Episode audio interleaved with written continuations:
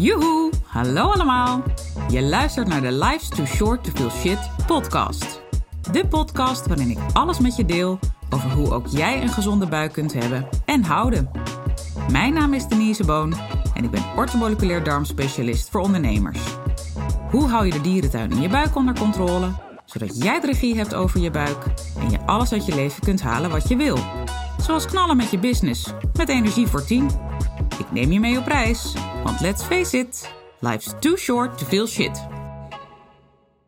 Yes, aflevering 35 en deel 3 van het drieluik over de hormonen. En nu in de spotlight de geslachtshormonen. Veel volgers hebben hierop zitten wachten. Want ik kreeg hier vrij veel vragen over de laatste maand met name. Uh, dus ik ben heel benieuwd wat je ervan vindt. Maar goed, dat weten we pas na afloop. En uh, bewust heb ik hem nu als deel 3 ook live gezet of opgenomen. Omdat ik gewoon eerst heel graag het belang van de bijnieren, maar ook uh, de uitwerking van de bijnieren op de schildklier wilde toelichten omdat het uiteindelijk allemaal met elkaar te maken heeft natuurlijk. En je daardoor ook makkelijker het linkje naar de geslachtshormonen snapt. Dus er zit echt een gedachte achter deze opbouw. Um, en nu gaan we dus helemaal in de wereld van de uh, geslachtshormonen duiken. Um, misschien herken je het wel uh, als ik zeg premenstrueel syndroom. In ieder geval de vrouwelijke luisteraars. Wat toch verreweg het merendeel is, heb ik gezien. Altijd leuk om te kijken wie er luistert. En uh, wat is dat? Hè? PMS afgekort. Nou, dat zijn klachten zoals pijnlijke borsten, slecht slapen, uh, sugar cravings of überhaupt eet cravings. Hè? Hoe noem je dat? Um, eetbuien. Of dat je echt zo'n on, onbedwingbare behoefte hebt aan zoet, koolhydraten, et cetera. Maar ook rugpijn, buikpijn en meestal wat lager. Hè? Dus lager in de buik en lager in de rug. En dat allemaal in de week voordat je ongesteld moet worden. Dus de week voor de start van de menstruatie. Dat zijn allemaal veel voorkomende klachten.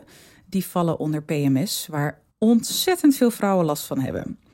Uh, ik heb er zelf ook last van gehad. Sommige dingen nog steeds wel een beetje, niet heel erg veel trouwens, meer. Een uh, beetje nog pijnlijke borsten, uh, soms wat slechter slapen, maar dat is al heel erg verbeterd. Want ik ben, wat is het nu, juli, begin dit jaar, dacht dat het rond maart of zo was, ben ik begonnen met een upgrade van mijn geslachtshormonen. Um, alvast even een um, spoiler alert, doe dat pas nadat je je darmen hebt geupgrade. Uh, want anders heeft het niet zo heel veel zin. Daar ga ik je later meer in, over meenemen. Vandaar spoiler alert, maar dat komt later in deze aflevering zeker aan bod.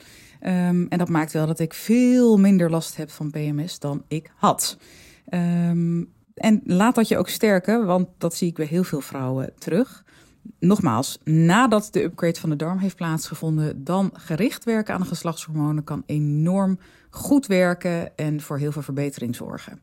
Daarbij zijn uh, verbetering in de waarde van geslachtshormonen natuurlijk een heel mooi uitgangspunt. Maar het gaat natuurlijk uiteindelijk om wat je ervaart. En dat merk je bijvoorbeeld aan symptomen die ik net opnoemde, dat die minder pijnlijk of minder vervelend worden of zelfs weggaan. Nou ja, dan weet je dat je goed bezig bent en daar gaat het natuurlijk om. En dat je doet wat bij jou past. Um, waar gaan we het nu over hebben? Ja, natuurlijk de geslachtshormonen. We gaan zo meteen even stilstaan bij over welke hormonen ik het heb, zowel bij de man als de vrouw maar ook hoe ze worden aangemaakt. Dus hoe ziet dat pad, hè, die, die aanmaak van de hormonen en de omzetting die daarbinnen plaatsvindt van het ene in het andere hormoon, hoe ziet dat eruit? Dat pak ik even grosso modo. Ik kan natuurlijk helemaal in de diepte erover gaan, maar uh, ik hou zelf meer van hoofdlijnen, zodat je uh, de belangrijkste boodschappen ervan meeneemt. Anders krijg je een informatieoverload en wordt het ook meer een masterclass. En dat is niet de bedoeling. Dus ik richt me daarin echt op de, de hoofdlijnen. Uh, neem je daar ook in mee. In wat ook uh, nou, belangrijke pijlers daarin zijn. Dus bijvoorbeeld het hormoon DHEA komt aan bod. Die heb je eerder gehoord bij uh, deel 1 van de drie luik, bij de bijnieren. Uh, tegenhanger van cortisol. Um, maar goed, voordat ik helemaal de diepte in ga, dat gaan we sowieso bespreken. We gaan ook bespreken hoe je het beste de geslachtshormonen in kaart kunt brengen. Met wat voor type labonderzoek. Um, en ook de rol van voeding. He, wat heeft uh, voeding voor een rol in of op eigenlijk de geslachtshormonen? Ook daar weer grosso modo, hè, hoofdlijnen. Uh, en daarin zit ook een linkje naar je darmen. Nou, die hoor je me natuurlijk al vaker maken. Maar dat is juist ook een van de meerwaarden van deze podcast. Dat uh, op heel veel vlakken waarvan je misschien niet verwacht, er ook een link zit met de darmen. Dus dat is super belangrijk om die juist ook nu uit te lichten. Dat is een beetje de opbouw van hoe ik het voor me zie in, uh, in deze aflevering. Dus ik neem je gauw mee op weg. En uh, als je hier vragen over hebt trouwens, mag je me die gerust stellen. Je weet me hopelijk te vinden via Insta DM of via mijn site, kan allebei. We gaan beginnen. Over welke hormonen hebben we en hoe worden die aangemaakt?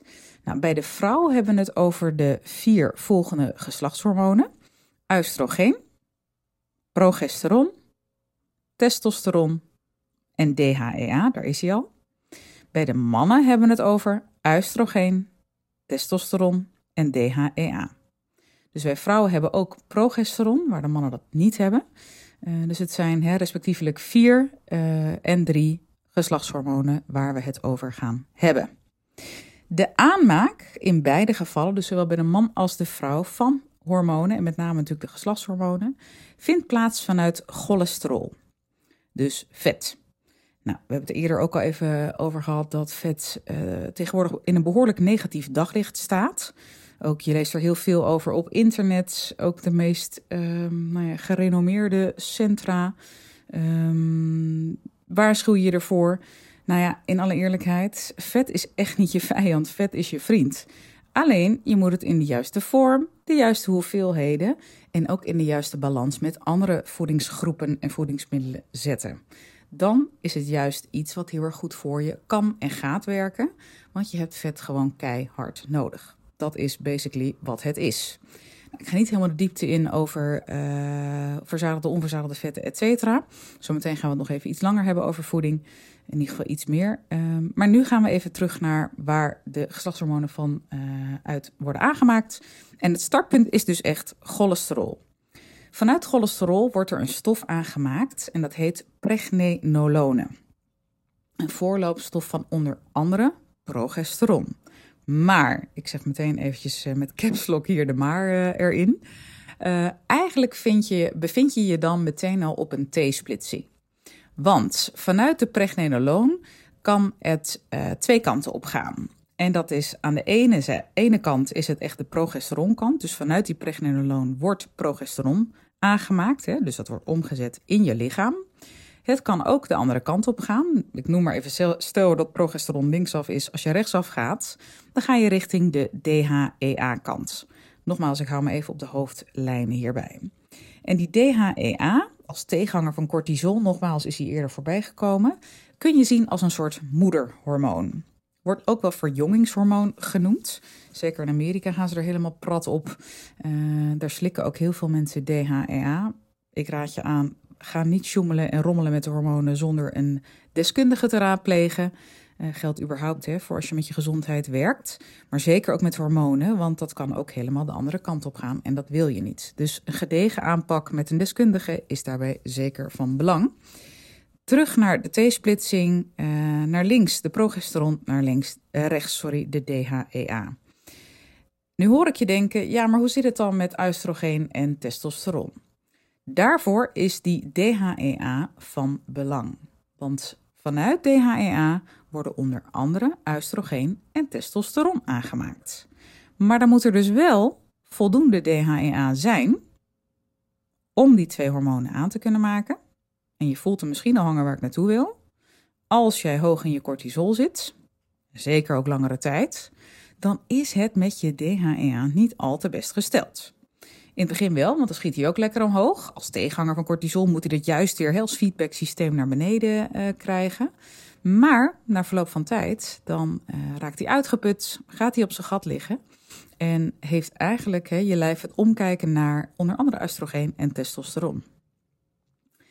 Maar uh, we hadden het net ook even over de, bij de T-splitsing over de linkerkant, de progesteron. Als er überhaupt te weinig cholesterol aanwezig is in het lichaam, dan sta je eigenlijk zowel linksaf als rechtsaf met 2-0 achter. En uh, dat maakt ook dat, wat ik aan het begin van de aflevering zei, dat heel veel vrouwen zoveel last hebben van die PMS-achtige klachten, die voornamelijk um, veroorzaakt worden door een progesterontekort. Het kan ook zijn dat de verhouding progesteron-oestrogeen verkeerd is, die onderlinge verhouding, en dat je een oestrogeendominantie hebt. Kun je alsnog ook een tekort hebben in je oestrogeen, don't get me wrong, maar dan is de hoeveelheid, dus echt de verhouding eigenlijk tussen oestrogeen en progesteron, die is scheef. Dus dan heb je naar verhouding te veel oestrogeen, te weinig progesteron, kun je dus ook last krijgen van al die vervelende symptomen die we net hebben genoemd. En heb je überhaupt dus te weinig cholesterol, dan sta je dus aan beide kanten, dus zowel aan die progesteron als aan de DHEA, testosteron en oestrogeen kant al met 2-0 achter. Dus het is heel belangrijk om goed in je vetten te zitten, je goede vetten natuurlijk met name. Ehm, en ook goed in je vertering, want anders neem je de vetten niet goed op. En ook überhaupt je vitamines en mineralen neem je dan minder goed op als je vertering niet top is. En dat is bij heel veel mensen is die vertering echt gewoon een chaos, om maar even plat te zeggen. Uh, en dan heb je dus al veel minder vitamines, mineralen tot je beschikking om ook die omzetting van de hormonen goed plaats te laten vinden. Want ook daar is weer een hele mix aan vitamines, mineralen voor nodig. Nou, nogmaals, ik hou me even op hoofdlijnen, anders wordt het echt een masterclass. Maar je hebt hem waarschijnlijk nu wel door.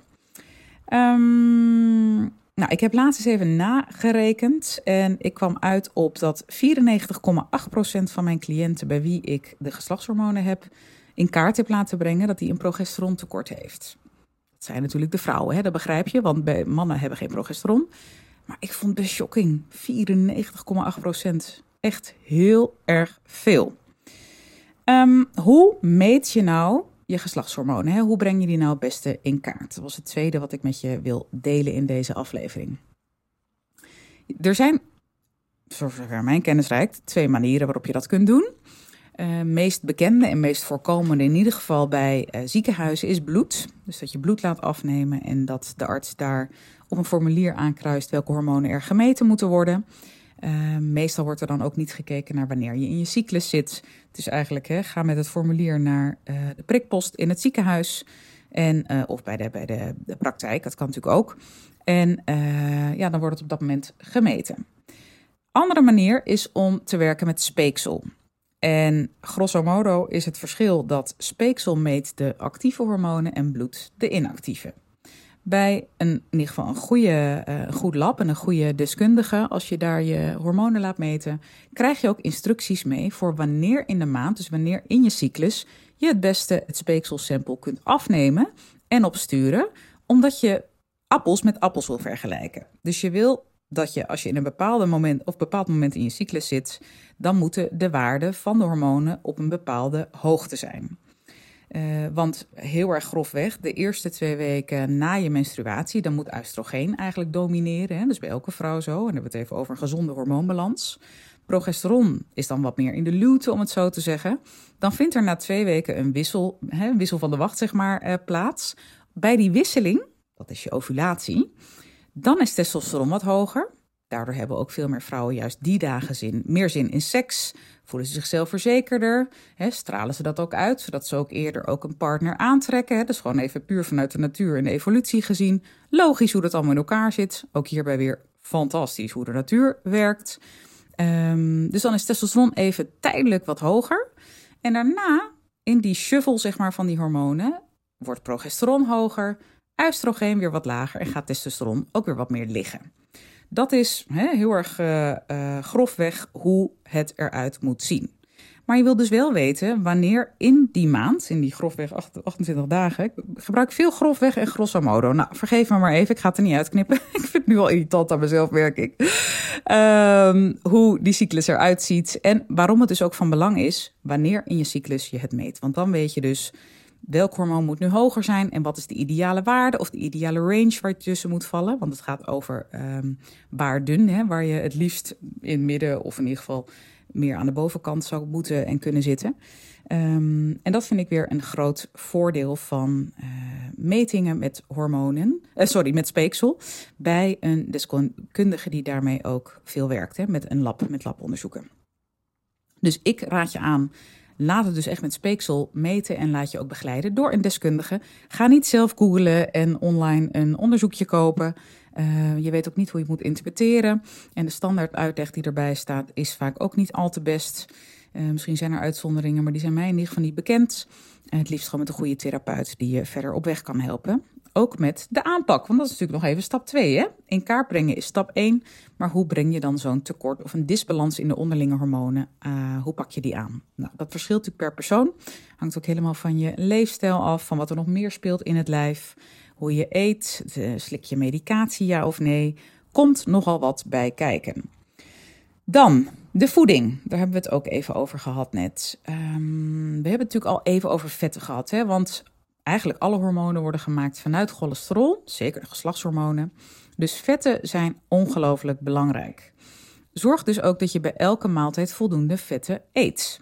Dat kan ook in de vorm van noten zijn. Dat hoeft niet per se altijd een enorme plants olijfolie of kokosolie of wat dan ook te zijn. Liever niet arachide olie, zonnebloemolie, etc. Dat is veel omega-6 vetzuren. En we willen juist meer omega-3 en 9 vetzuren.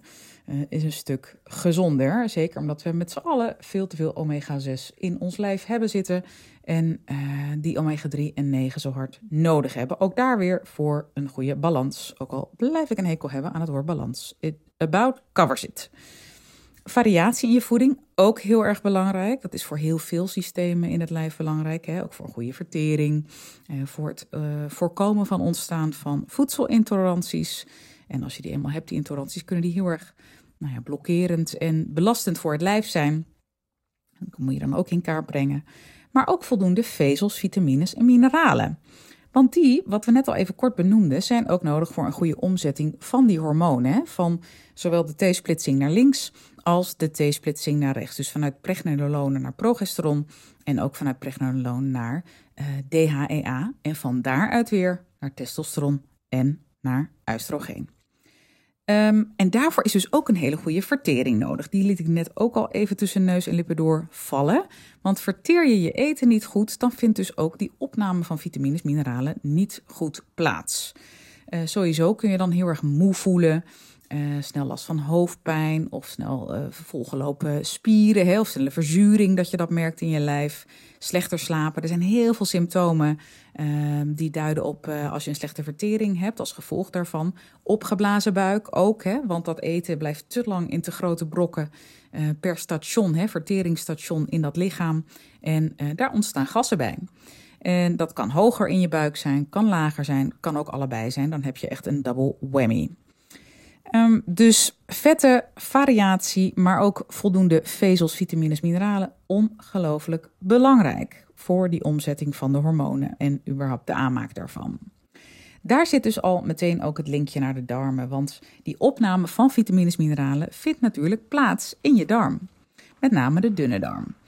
Uh, ook natuurlijk een stukje maag. Hè. B12 hebben we het vaker over gehad. Moet je ook voldoende maagzuur voor hebben. Ook een stuk van de vertering overigens.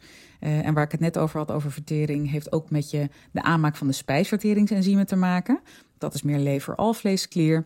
Dus je hebt sowieso al een driehoek te pakken van maag, lever en alvleesklier. Die lekker moeten meedoen, willen ook je hormonen in balans zijn. Geslachtshormonen in dit geval. Um, wat is nou de link nog meer met de darm? Even los van die opnames van, of names, sorry, van vitamines, mineralen.